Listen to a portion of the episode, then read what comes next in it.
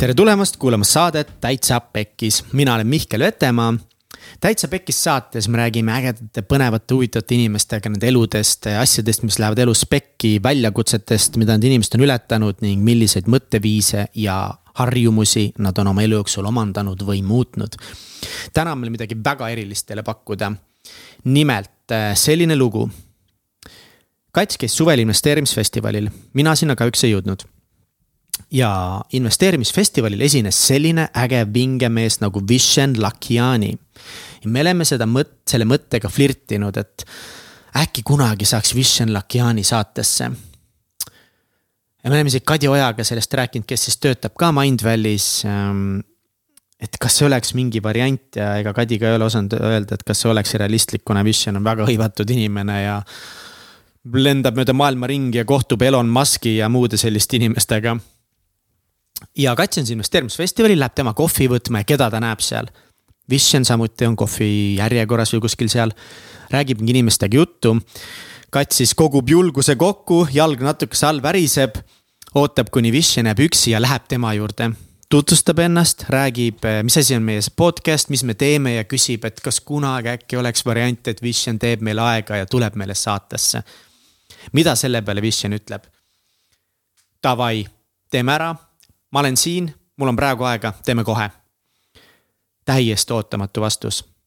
mingit ettevalmistust ei ole, mikrofoni, mikrofone, midagi ei ole. kats siis kohe jookseb Egerti ahti juurde.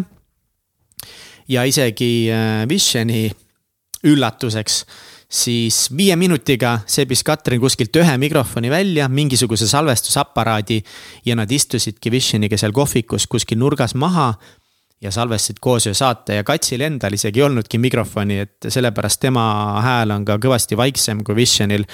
aga tead, sellist võimalust ei saa käest ära lasta, vahet ei ole, kas sul on ideaalne varustus või mitte, jumal teab, ideaalne varustus äh, jumal teab, kas sellist võimalust oleks rohkem meil üldsegi tekkinud. nii et äh, suur äh, respekt Katsi ees, et ta võttis munad pihku ja, ja tegi sellise saate ära aga kui sa ei tea, kes on Vishen Lakiani, siis ta on äh, Malaisiast pärit India juurtega ettevõtja, kirjanik, autor ja kõike muud, kõneleja, spiiker. ta on rahvusvaheliselt väga tuntud mees ja ta on loonud siis sellise rahvusvahelise hariduse enesearengu platvormi nagu Mindvalley. Mindvalley korraldab siis erinevaid äh, üritusi, seminare, festivale. Mindvalley'l on oma suur äh, subscription põhine enesearengu platvorm, kus siis osalevad või käivad kõnelemas ka mõned maailma kõige kuulsamad ja edukamad ettevõtjad, sportlased, kõikidest muudest eluvaldkondadest väga-väga tipud inimesed ning jagavad siis tehnikaid, teadmisi, mõtteviise, et. et meie saaksime transformeeruda ja elu tõelist potentsiaali haarata nii et eh, head kuulamist sulle, aga enne seda, kui sa veel saad eh, nende vestlust kuulama hakata, siis eh, kui sulle meeldib see, mis me teeme ja sa tahad meid kuidagi toetada. tunned, et tahad meile midagi vastu anda, siis parim viis selle jaoks on patreon.com kaldkriips täitsa pekkis ning tule meie toetajate perre ja kui see saade sind kunagi, kunagi, jah, kunagi kõnetab, kui see saade sind kunagi kõnetab, siis jaga seda oma mõne hea sõbraga või tead mis, jaga kõikide sõpradega, näiteks Instagramis head kuulamist.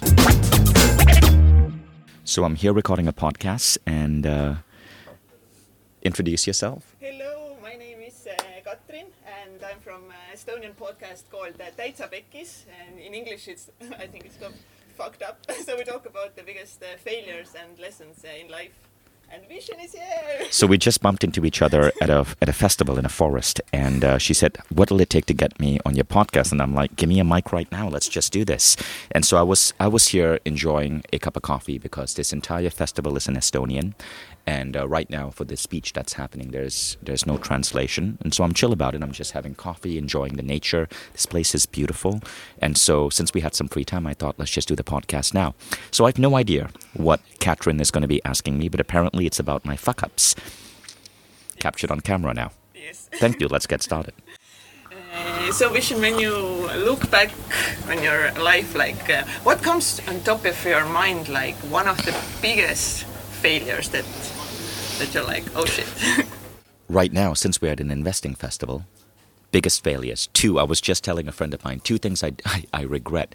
In 2013, one of the engineers who worked for me told me about this thing called Bitcoin and suggested that I put money in it. I did not. Stupid, stupid, stupid mistake.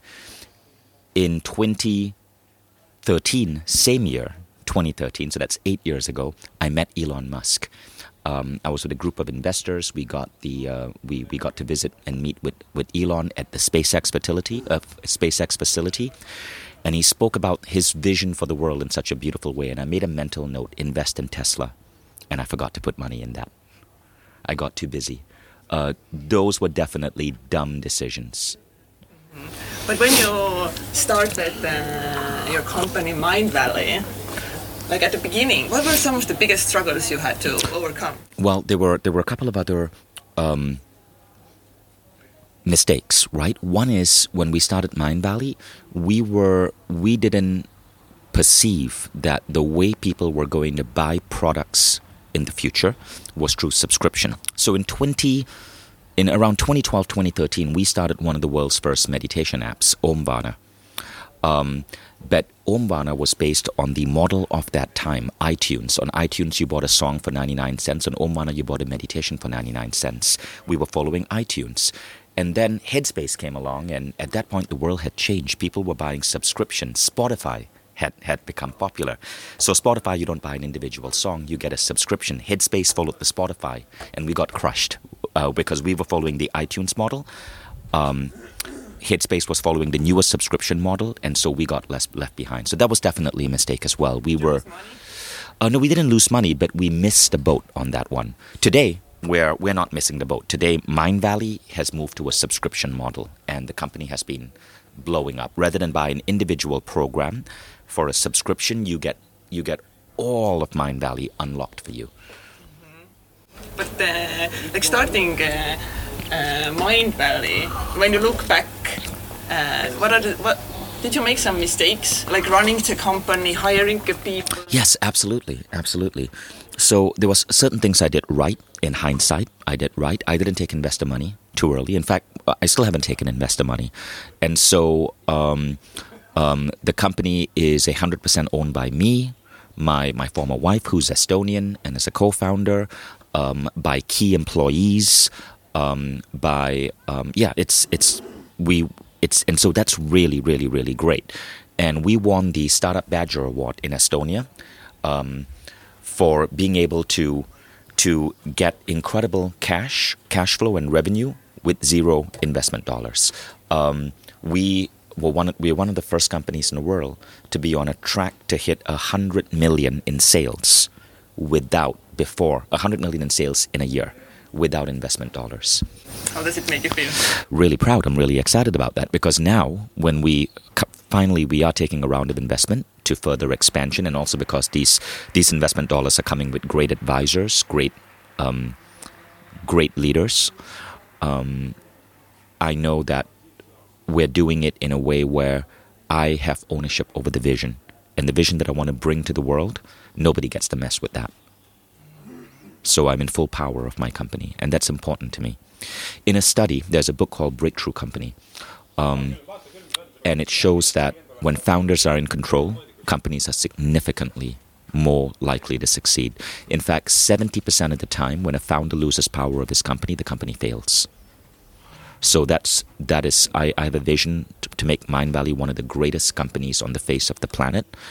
Um, but it's not a fast vision. It's not it's a vision that requires five to ten years. We look ten years out. And so to me, it's a slow game, and that is important. And so I don't want to take money too fast and be able to do things which are not going to create the long term growth for the company. Have you always had this vision? Like, when I first heard that you like uh, wanna crush basically Harvard, uh, it gave me chills. Like, have you always had like this? Absolutely, absolutely. So I'll give you an example, okay? Um, you asked me about my mistakes. One of the first mistakes I made was when I was starting the company, I didn't believe in myself. So I gave up 45% of the company to um, one of the early early co-founders, and he was a good guy. Um, he was a Stanford MBA. He was really smart, but um, I gave up a lot I gave up a lot. And then seven years later, when we decided to part ways, I had to buy those shares back, right? Rather than we, we were no longer working well as, as partners, and I had to buy those shares back. But that was the good decision. I believed in the vision so much. I borrowed four and a half million dollars from the bank to buy all the shares back. And so back then the company was valued at 10 million. So I bought all the shares back. Now since then, the company has doubled five times. The valuation has doubled five times, and we're about to double again for the sixth time. When we double for the seventh time, we will be a unicorn company. And so I'm really happy about that. So we're about to double in valuation now for the sixth time, um, and that's really exciting. And that that doubling is going to occur um, even if we don't take a single drop of investor revenue, or of sorry of, of investor capital. And that doubling is just based on on um, growth, subscription revenue, MRR, and so on. So uh, the the good decision I make was to believe in the company, buy back the shares, not take investment dollars too fast, but at the same time to bring in great advisors, give those advisors shares in exchange for advising me. And with the power of those advisors, with a focus on cash flow and sales um, and responsible cash flow, not just burning burning money, we've been able to grow the company very effectively. Okay, but let's go back uh, back in time, right? When Vishen was a little child, what what was then your like life uh, vision, dreams, goals?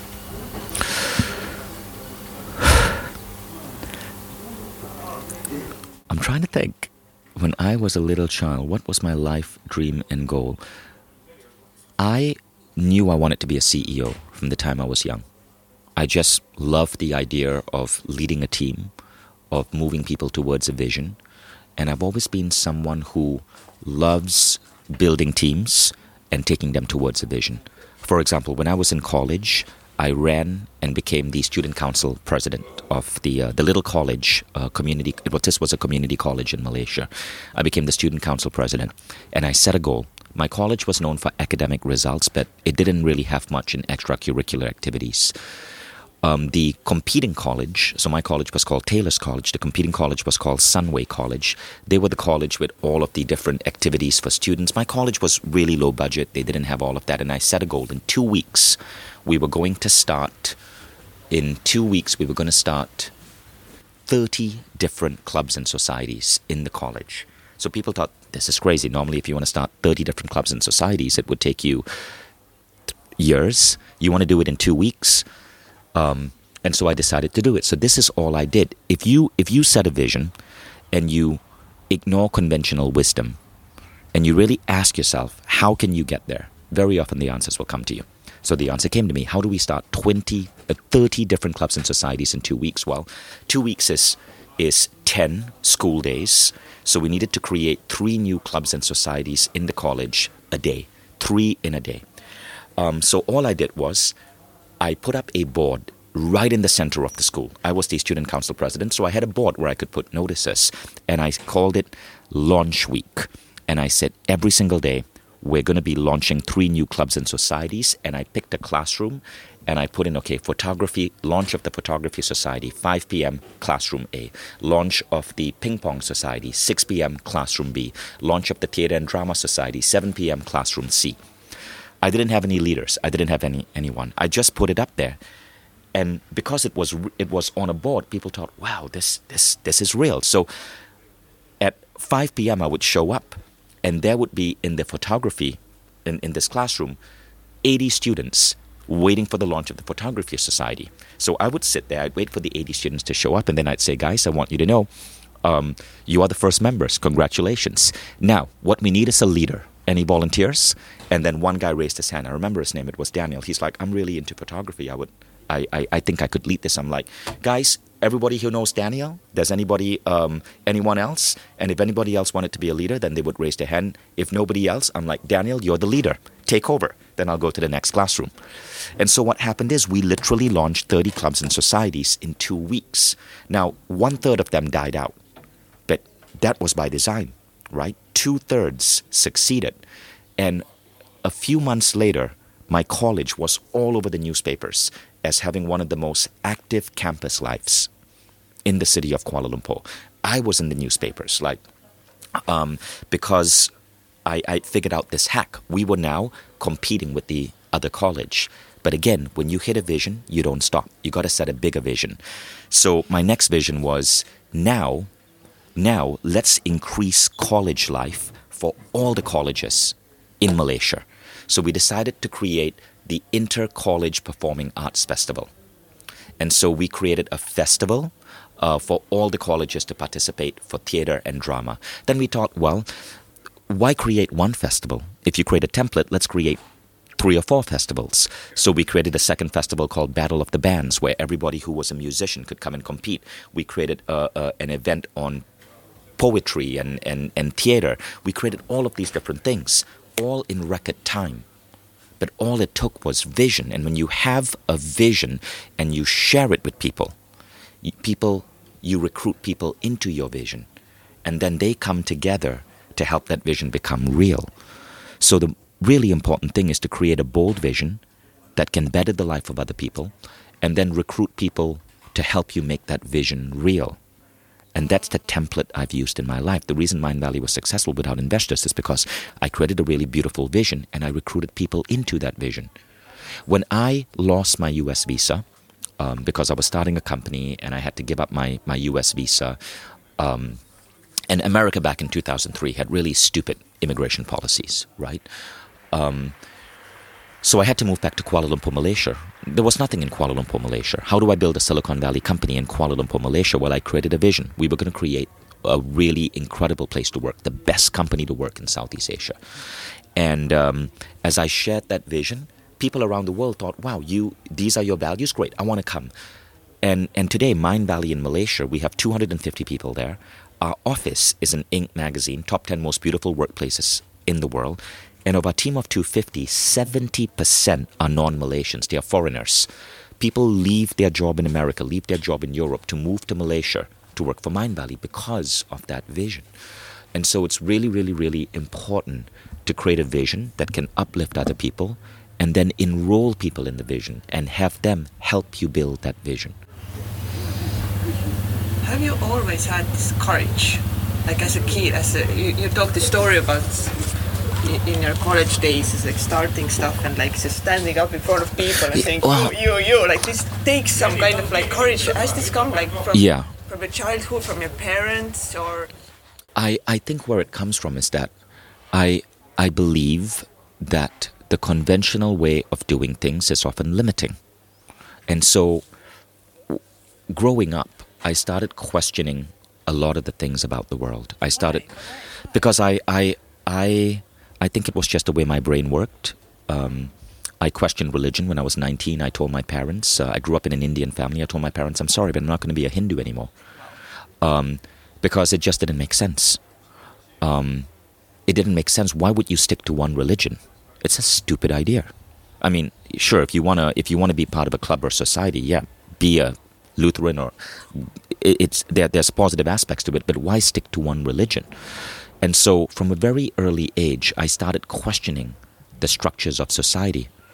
Why do schools have to operate in a certain way? Why do I have? Why do you need to have a religion? Why does the world? And so, as I started questioning all of these different things, it just became my de facto way of working. And and I think that's why I've been able to do what I did, questioning the rules. So today, I in in my writing, I call these rules or bullshit rules. Um, there are so many rules by which the world operates, and I love questioning these rules to find new ways of doing things. But did like did people question you, or did you get like any feedback like from your parents? You didn't want to be in, in the religion, like like did you like face like people not liking you, or was Of course, of course. So so here's the thing, right? Um, most human beings imitate we uh, we learned the world is so complex. To make decisions in the world, we imitate. We do what everyone else tells us to do. Um, when we question the rules, um, we can get smacked down. But when you question the rules, you also have great opportunity to create new things, to be an innovator, to be a visionary, to, to, to, to, build new things, to not just enrich the quality of your life, but to create great wealth in your life. And yes, I did get smacked down. I remember when I was in college, so I told you about my story of starting all these clubs and societies.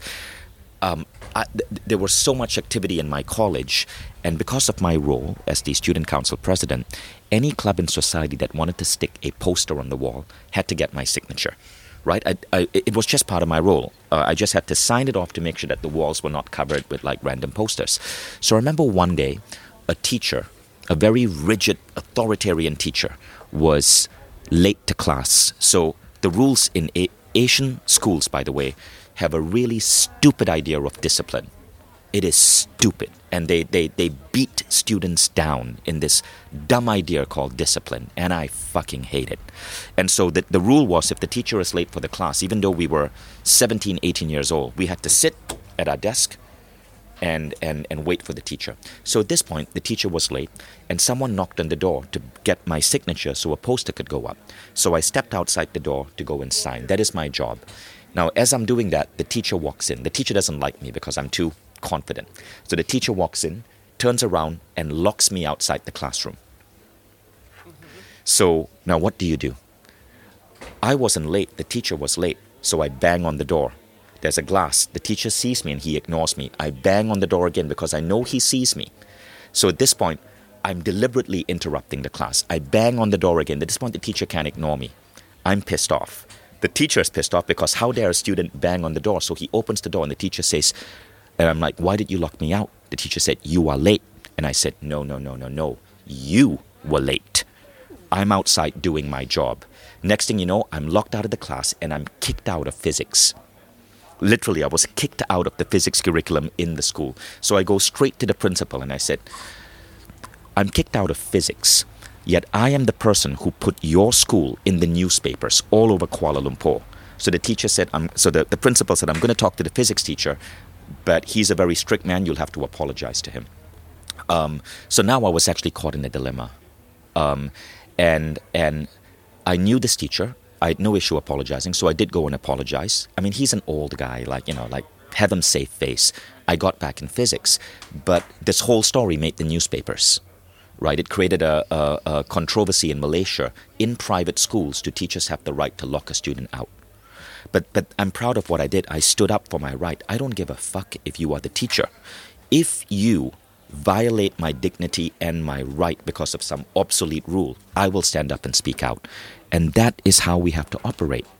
We, we as human beings should not allow these rules to suppress us, whether these are rules of organized religion or rules of um, um, rules saying that women have to be in a certain way or authoritarian teachers.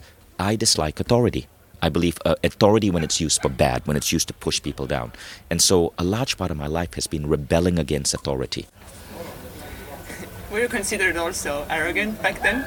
See, it's not arrogant you it sounds like it's arrogant right? No it's standing up for your rights. But it also can be arrogant. Like i know people people who, so firstly yeah. so right now so firstly firstly if you look at my if you look at my history i've always been a person who's treated my employees well treated my customer right. Compassion and arrogance don't go together. Arrogance is when you think you're better than everyone else. I don't think i'm better than everyone else. I want to uplift everyone else by fighting the rules that keep us down.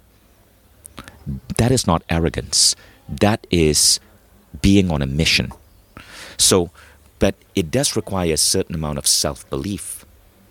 Observe what happened today. You came and asked me, what will it take to be on your podcast? If I was Eric, I would have said, well, write to my team, let me know your podcast numbers, and then I'll decide if, if I can fit it into my busy schedule. But instead, what did I say? Can we do it uh, right now? Yeah, I'm like, if you want me to, happy. We'll do it right now. That's not arrogance, right? Um, so people mistake it for arrogance, but it's not. You got to stand up. So when I, a few years ago, I, read, I, I got to the newspapers again in Malaysia. What happened was that I read an article about how Nestle, the Swiss company Nestle, was funding the government nutritional society in Malaysia and was pushing really unhealthy foods. And Malaysia had become, Nestle is the biggest company in Malaysia, and Malaysia had become the fattest country in Asia. And so I launched a, a war against Nestle. Um, um, I created some videos exposing what goes in their packaging, and I designed it, it and it just took off. It, it got viewed 20 million times. It was all over the newspapers, and I got attacked by the press. I got attacked by Nestle, obviously because Nestle is the biggest company in the entire country, and they're the biggest advertiser. Nestle spends $5 billion buying newspaper ads and television ads. So the TV stations, the newspapers, the radios, they don't want to give my view, they want to give Nestle's view. Um, but you needed a certain amount of, for lack of a better word, arrogance to be able to go up against a big company. And, and I'm glad I did because I, I managed to awaken so many people to the horrible food practices that go into Nestle. And so if you want to be successful in life, whether you're an activist, whether you want to be an entrepreneur, you got to care about humanity as a species. And you got to create new things to move humanity forward. I care about food. And so my food activism is important to me. I care about education. So building an education company like, like um, Mindvalley is important to me. I care about human unity. So speaking out against the, that political party in Estonia, EKRE, is important to me. EKRE is a bunch of losers who have no vision for the world and want to gain power by getting Estonians to hate people who look different. Um, and, and so I speak out politically, I speak out against bad food.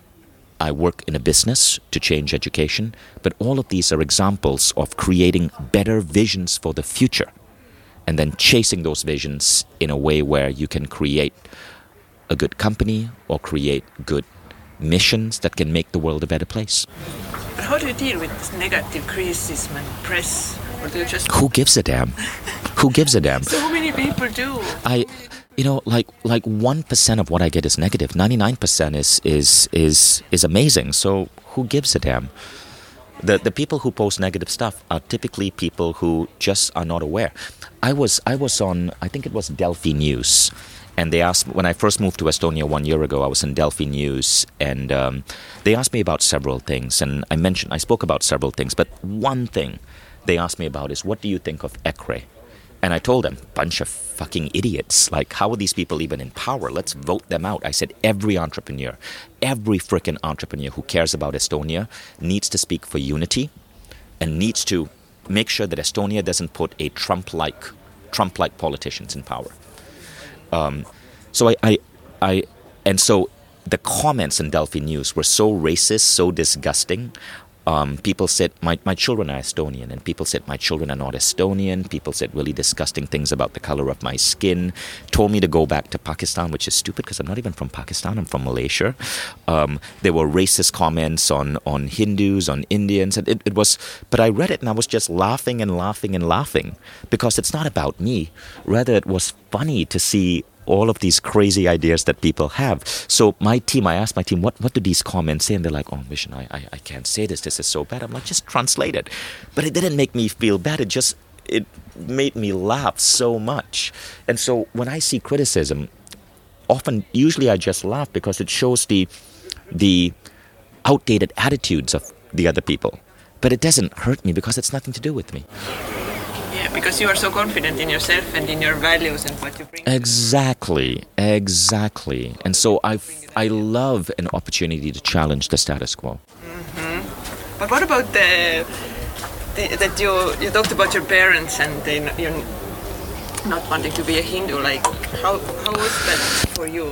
Well, um, well, I, I, I think my parents are not overly religious. I think one of the reasons I love Estonia is because Estonia has the highest number of atheists in the world.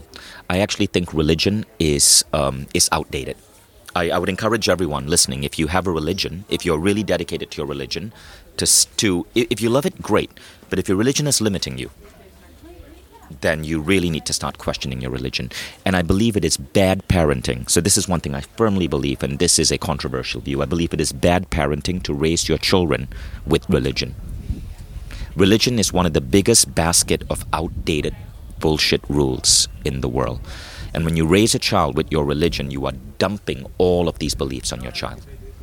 So I, my children are not. My children are raised in a in a way where we talk about everything. They get to believe what they want. So I believe in reincarnation. But if my child asks me about it, I don't tell them it's true. I say this is what I believe, but you go figure it out. What do you believe? And and so um, I I believe that we need to question question our upbringing, question our traditions, question our religion. Um, and it doesn't mean disrupt everything, it just means question the things that are holding us back, that are making us feel bad about ourselves, that are limiting us. Uh, uh, you gave a speech uh, here, and um, what was really interesting uh, to me also, you talked about uh, like plant medicine and psychedelics. Yeah. Uh, you you had a viral video about ayahuasca, obviously. I think. Yeah, you know, I, seen- I, I've seen- seen I talk about I talk about so many different things, but everybody picks up this plant medicine thing. Yes, Why? because it's controversial. it's controversial, right? But but actually, I advocate meditation. I think everyone should be meditating. Um, and and what I said is, altered state access, being able to access altered states of consciousness, is part of the human experience, and we need to practice it more. Um, most indigenous cultures have some form of altered state ceremony, whether it is, uh, and this is one of the good things of religion. Religion, in many ways, do do give us opportunities to go into these altered states through uh, um, prayer, through meditation. So there are good aspects over there, right? Uh, but in our modern society, we shut this down. We say that the only real world is the physical world. But altered states is something worth exploring. And there are four ways to get there neuro training, which is very science based and very expensive right now, involving like putting like electrodes on your brain and stuff, meditation, breath work, and plant medicine. Plant medicine, very powerful, but it's, it's expensive and it takes up a lot of time. Right, you wanna, and you got to find these ceremonies, and it's illegal in certain parts of the world. Breathwork is really blowing up in Estonia, and I strongly encourage people to try it out. There are breathwork festivals in Estonia. Um, breathwork is really, really, really life changing. Meditation, super cheap, super easy. You can do it in your home. And neuro training, you got to go to special facilities, but it's very expensive. Um, I've paid like fifteen thousand US dollars for a five day experience. Um, so the most important, the easiest to get access to are meditation. Meditation is easy. Breathwork is, is also very affordable. There are classes happening almost every weekend, I guess, somewhere in Estonia. Just look it up. But that is why, that is something that I encourage human beings to explore altered states of mind. Since I was 14 years old, 14. Wow. I've been meditating for 29 years at this point. 29, 30 years. What kind of practices do you do? Do you like uh, have uh, special practices or do you like I, I practice something called the six phase meditation. It's the meditation approach I design. You will find it free online. Just Google six phase. But uh, do you approach your life also as like being like in a, in a present moment and like doing like This this whole idea of present moment is is, is so outdated. Um, really? yeah, well, it's it's it's more complex than that. It's more complex than that. Yes. So the concept of present moment is is um, it's it's a bastardized form of personal growth. Really, um, it's overly simplistic. Human beings are not animals. Animals are perpetually in the present, right? Human beings, what makes us human is that we have one foot in the present, but one foot in the future. We need to build, we need to create. It is the God part of ourselves. We need to create new realities. And so you need to be present, but you also need a vision for the future. The six phase meditation takes you through six phases. The first three are focused on present, the next three are focused on building for the future. So just saying be in the present is is outdated. If you are a person who's constantly go go go go go, then it helps to be in the present. But if you are just in the present and you don't have goals for yourself, goals for the future, then you are not living to your full human potential either. Yeah, but I think the the struggle is not when you're living like in your vision, but you get stuck on your past, past mistakes that you have made, and that's like I think the problem comes from. Exactly, from exactly. That's why that's why in the six phase meditation there's no category for past. There is the, the so the six phase meditation is the meditation approach I designed. It's one of the most. It's becoming really popular globally, and it's based on science. Um, I'm not an advocate for people going on 12 day meditation retreats where you s- sit in silence. It's outdated, and the neuroscience shows that it is not. It's not hardly effective. Honestly, a lot of it is cultural Have you- dressing. Have you done like for like? I strongly don't recommend Vipassana. It's so outdated.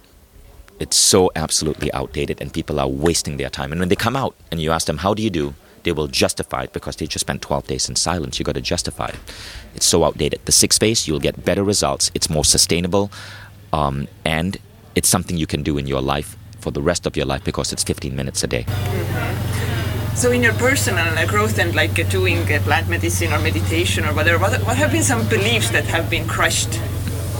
Your former beliefs One- in life or, or Well, rather than beliefs that have been crushed, it is beliefs that have been developed. And one belief is connectedness. So, so in my life, I feel deeply connected to nature, deeply connected to other human beings, uh, deeply connected to all life. So I care deeply about improving life for the planet Earth and life for other human beings.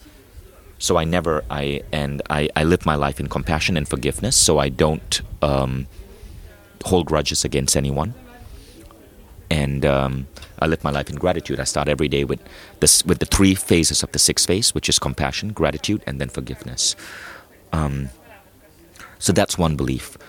But as I've gone deeper, I have another belief, and that belief is that I can influence the fabric of reality. So, what I mean by this is I can generate synchronicities, I can generate coincidences.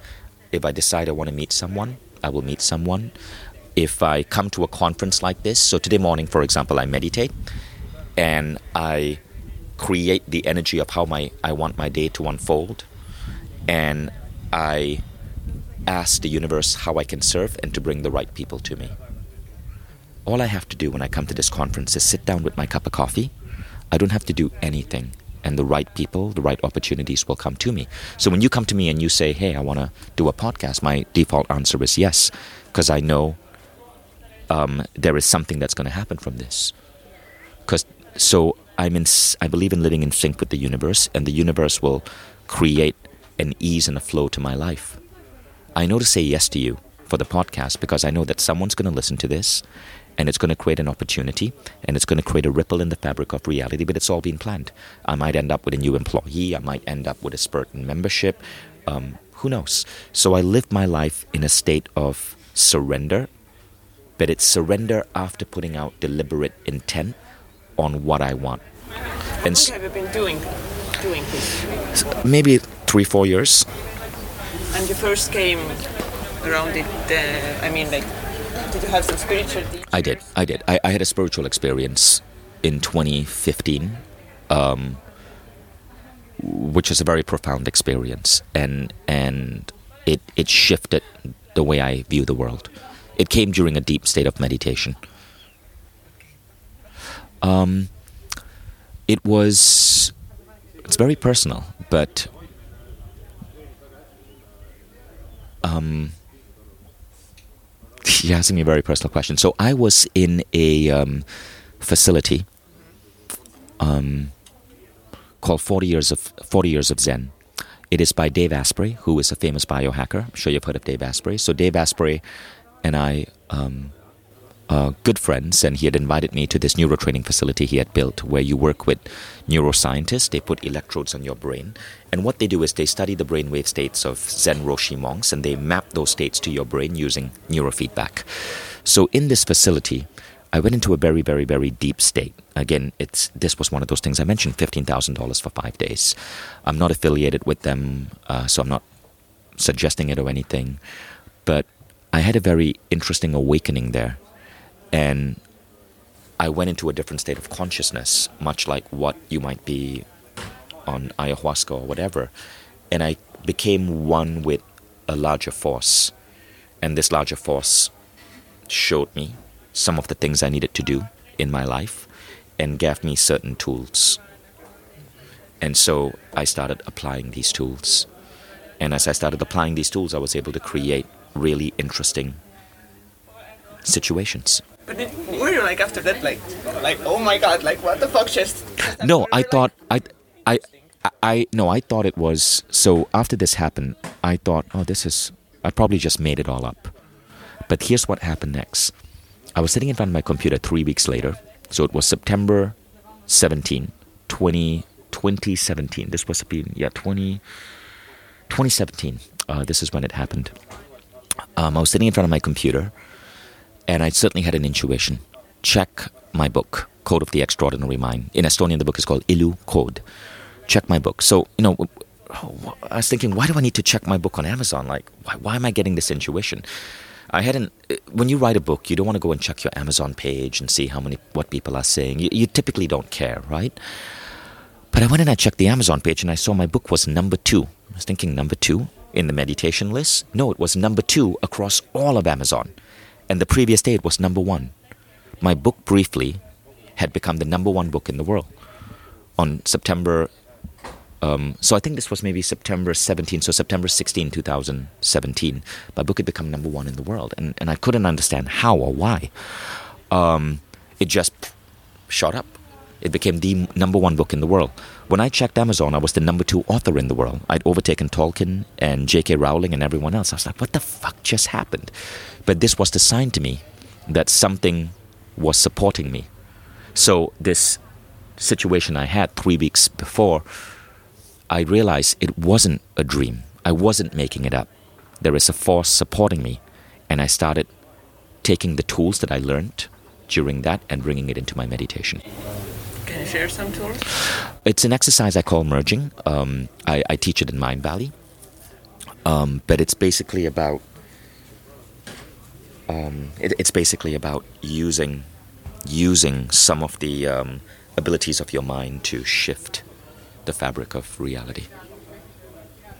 If you're a Mindvalley member, uh, you will you will find it in uh, in the Be Extraordinary program in Mindvalley. It's uh, it's the last Be Extraordinary is a four week program, twenty minutes a day, but we I, I teach people, I, I, build you up to that, and it's it's in the last week. So what but what, what is shifted in your life after like having this uh, this experience? Like, did you make any other changes in your life?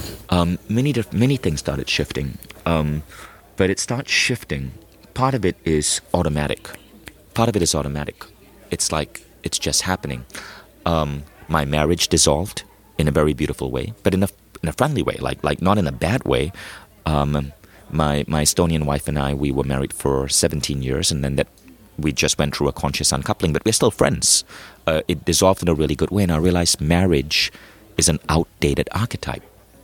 Relationships, yeah, yeah. The the idea the idea no it's not monogamy you can be monogamous but the idea that you need to be with someone forever and ever and ever that's outdated you can be with someone for one week and and that, that's great you can be with someone for 70 years and that's great but we've created this human society where when you part ways with someone you term it as a failure yes. and that's what's wrong right and so my view of relationships changed um, and then my view of the world changed. I always dreamed of someday living in America, but now, with the pandemic, I ended up moving to Estonia, and I realized that Estonia is the place to be.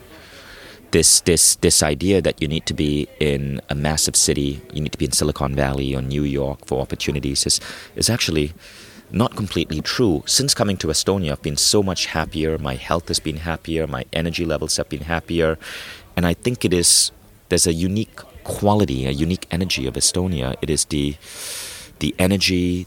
I don't know, but there's something special about this country. And so, um, but all of these changes started happening automatically. My marriage dissolving, moving to Estonia, um, the people I started attracting in my life, the the way the business started growing. Um, I've just been living in this sense of surrender, trying to identify from the universe what is it that I need to focus on, what is it that I need to do, and then just trusting that I'll be moved in that right direction. But it all starts with meditation. I begin every single day with meditation. Did like life become like more effortless as well? Did you picture, like, yes, life becomes so freaking easy. So freaking easy. It's like there is a force just clearing away every blockage. And how do you? I think you still uh, have some bad days. I I hope. Um, don't feel so great, or why would you hope that I have bad days? You said I still have bad days. I hope. I mean, like not, not that I hope you have bad days, but, but I think I have, consciously like. I have days. I have. I have. Day, no, I'm, I'm pretty much there. Yeah. yeah. I, I have days where where in my older self I would have considered it a bad day, but today that I don't really have bad days because I've I've just as you go deeper into personal growth, you just learn to bounce back from any situation that hits you. I mean, th- that's I'm a I'm a product of my product. I'm a product of Mindvalley. When you are in Mindvalley, you learn so many different tools. Like anything that life throws at you, you know how to navigate that. Whether it's illness or it's breakup or it's depression, you, you just know how to navigate. There's nothing bad. Yeah, yeah. Everything is like basically it's neutral, and we give the meaning to the situations uh, that uh, that arise. No, I disagree with that. Like things are not neutral for me. Things are fucking amazing. Like literally every single day is fucking amazing. Every moment I'm doing, y- you can get to fucking amazing on a consistent basis. But how do you then manage your energy, like being in this amazing state? I, I, when I meditate, I ask for the energy that I need to do whatever I need to do. So if I need to be on stage, so you know, two weekends ago I was on stage for six hours, and I just had incredible energy. Um, but I meditated and I asked spirit to give me the energy I need so I can surf, and my energy just shoots up. But do you have like a daily routines? I know you mentioned med- meditation, but do you like I need to get like uh, six, eight to eight hours of sleep? I need Yeah, exactly. Like I get seven and a half to eight hours of sleep. I eat healthy. Um, um, I, I, um, all of the the Mindvalley methodologies, like I bring into my life, 10x Fitness, WildFit for nutrition, Lifebook for clarity of vision, Mindvalley membership for ensuring that I'm on a perpetual level of growth. Um, so yeah, so I I live. I, I built Mindvalley for myself, right? Um, but if I get to share it with a million people in the world, that's great. So, so- but do you have a certain discipline, or do you just like do when the intuition comes? And No, no, no. Part of it is intuition, but there's also a certain amount of discipline to to how I wake up in the morning, to how I go to sleep, to how I I live life, to how I approach situations. Uh, but after a while, when you practice it, it goes from discipline to it just goes to just living. It just becomes your natural state. what are your some of the things that you maybe struggle at the moment? I don't struggle. Look, I, I, I hate to say it, but people ask me, what do you struggle with? Nothing really. Because Challenges do you have? I don't. I seriously don't. Uh, the the so I because I don't believe that you need struggle or challenges in life. If if there is something in life that in the past I used to struggle with, now I just see the struggle as an interesting problem to solve, and then it starts ceases to become a struggle. But but that's the ultimate thing. When you go really deep into this practice, there is nothing, nothing you truly need to struggle with. Your life is basically just blissful. But you haven't always been this way. It was uh, you said. Uh, No, and it's getting it's getting easier and easier and easier. It's not a spectrum. You don't go from struggle to unstruggle. You, it just gets easier and easier and easier. But what would you say other people? Because in Estonia, like we have done almost uh, uh, three years this podcast. We talk about failures uh, every week, and what do people? People are so afraid to fail, to have these quote unquote bad experiences. They are they're not uh, ready to take up their dreams. They're like, oh, what are people gonna say? And then they fail at something, and then they're not able to like do Yeah. something like that. What what would you say to those kind of people? Well, I, I, I would say read my book, Ilu Code. Like I, I explain the entire model. I give you 10, 10 rules of life that help you become a more more resistant to failure. It's it's mostly about mindset, right? Eh, it's very simplistic when you say mindset. It's about there are five dimensions of human, being human. The first one is your body, obviously. We all that's the one you see the most. It's your your body. But the second dimension is your cognition, which is your brain, your gut. You know, a lot of your emotions are not just from your brain, they're from your stomach. We know, for example, serotonin, the mood chemical, is 90% produced in your gut. Your gut bacteria needs to be healthy um, your your brain, your cognition needs to be healthy. This gives you clarity of thinking. Then there's your energy body. Your energy body are your chakras, your kundalini, your your aura. You can work with that as well. Your energy body needs to be uh, fluid. So I, I practice a lot with my energy body. Your energy body gives you a better sex life. It gives you better health. It um, it gives you more better ability to manifest, for example and then there is your um, your spiritual body. Your spiritual body is your connection to God, the universe, everything else, and then there's your subconscious. Your subconscious are your beliefs, um, your your subconscious mind. So every single day, I'm constantly nourishing all five bodies. My biological body, which is the easy part, right? Eating well, exercise. Most people stop there. I'm also nourishing my cognition by making sure that I take care of my gut, I take care of my brain, I sleep well. I'm taking care of my spiritual body through the six phase meditation and through certain practices like prayer, communicating with guides. I'm taking care of my subconscious by being very, very, very careful about how what I believe and doing exercises to remove bad beliefs. And I take care of my energy body through qigong, through um, energy practices. Um, and so when you take care of all five bodies, you start operating in the world in a different way. But this is missing from my education system. This is really part of Mindvalley. There's an advanced level of Mindvalley called Mindvalley Pro, where you go into mastery of all of these five bodies. Where do you think our planet and uh, we are going because there's so much uh, talk about us moving into a, a, new a new frequency and some maybe things are uh, are collapsing. Like what what do you see for, for our planet? Where are we going? We are definitely moving in that that new thing. Um, I think I'm proud that Mindvalley is part of like a much larger global shift that's happening. Um, there are some important rules that we got to do. Number one we to accelerate this, we need to start um, shifting the way we talk about education. I spoke about the five bodies, right? We need to start bringing this into our education system. Uh, we need to really, really, really start teaching human beings that we are more than just flesh and blood. The second thing is we need to really, really, really create a planetary society. We need to stop nonsense like Trumpism, Ekreism, Brexit, anything that says we are not connected we need to be operating as a connected species. I'm a big fan of the European Union because it shows its countries coming together. Um, we need to do that. This stupid idea of a war against China or, or it's just nonsense. Like we are human beings. We need to stop isolating ourselves within the context of countries. Um, and so we need to make sure that we vote for politicians who speak for unity across cultures, across religions, across skin color, um, and people like Ekre and Trump, that we vote them out. Because every time th- these things hold us back. And then the third thing is environmental policy. We need to really, really, really start investing in clean tech. We need to start, um, countries need to start regulating the environment. The fourth thing is that we need to um, start, and this is mainly for, for people in countries like America, we need to stop runaway capitalism. We, I'm super happy that the Biden administration is enacting a global tax on the rich. I'm really rich. I'm super, super, super happy to pay taxes because I don't want to live in a world where um, there's such a huge disparity between the rich and the poor.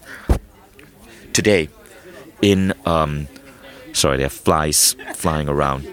Um, yeah, today in San Francisco, do you know 7-Eleven in San Francisco now?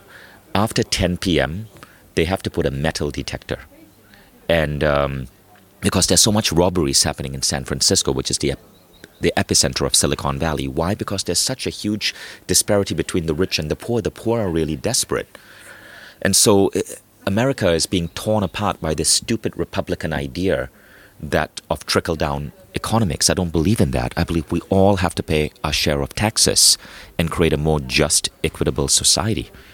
I don't want to be like a thousand times richer than other Estonians. So I'm happy to pay taxes, and I think all wealthy people need to do that. I fully expect to be a billionaire in the next couple of years, and I want to make sure that that I'm not different from anyone else. So I really love the Nordic model. I love the Estonian model. Um, I don't like the American model. Capitalism is is is dangerous if not restrained in some way, right? Um, so I think these things are things that we need to pay attention to. Vote out right wing politics. Care about the environment. Create a more equitable society uh, literally don't believe in this trickle down nonsense. Let the have the rich pay their their fair share. Teach holistic an holistic understanding of of of um, the human being in our schools. And I believe that the human race is going to be in a really good state. I'm not concerned about global warming. Um, because I'm looking at the, the trends right now, and I believe we will be able to um, fix the environment in about 10 years. I think we're going to see a reversal of global warming by 2030. What does living with your heart mean to you? It's again, it's some of that. Uh, we, we have to wrap up soon uh, because I, I'll have to go. But um, um, living with my heart simply means seeing yourself as connected to all life and all human beings. Uh, so it, it, thank you for your time already. So in uh, at the end of every podcast, we have these uh, questions we ask from everybody. So uh, number one, uh, uh, what are you not good at? Um, you see, why I don't like answering that is because as soon as I say what I'm not good at, I'm putting my energy. So if I said, so, so for example, I realized recently one of my limitations. I've always believed I'm not good at languages. My son speaks five languages. He speaks Estonian, Russian, English. Now he's learning German, Spanish, French. Um, and I've always believed I'm not good at languages because I only speak English. But this weekend I decided to learn Estonian. If I believe I'm not good at languages, I'm going to mess that up.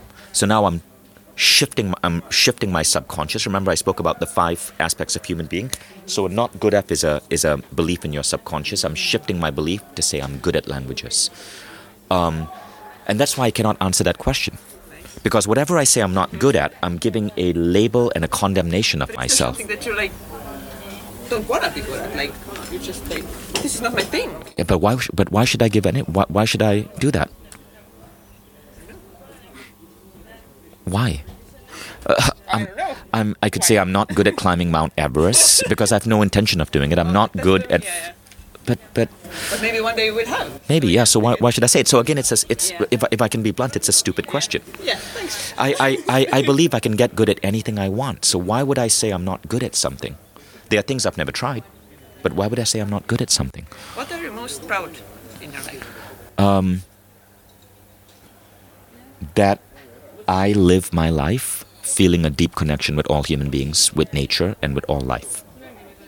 And I think in a world that constantly tells us we are separate, in a world that, in, in with so much like um, hate being spewed out in politics and so on, I think it's very important to be able to see beyond those artificial barriers. What is the craziest thing you have done in your life, and would you do it again? Oh yeah, I started a festival because I wanted to be able to party with people in exotic locations. Um, it's called A Fest. You can find it on Instagram, A F E S T. Uh, would I do it again? Um, of course, absolutely. I would start more festivals. I love coming together with people and dancing under the stars and being happy and blissful. What is the secret of success? I'm not going to answer that question because it's simplistic. I've already given you. If you define success as living a life in perpetual bliss, then I believe the secret of success is to truly work on your growth, to, to commit to your personal growth. That's it. Commit to your personal growth, all aspects of your personal growth. You're looking at money, relationships, body, um, your beliefs, your character, your emotional state, your your spiritual awareness, your your brain power and your intellect. It's the constant pursuit of refining yourself as a five-dimensional human being. The scale 1 to 10, how weird are you? Um, I don't want to answer that. And let me tell you why.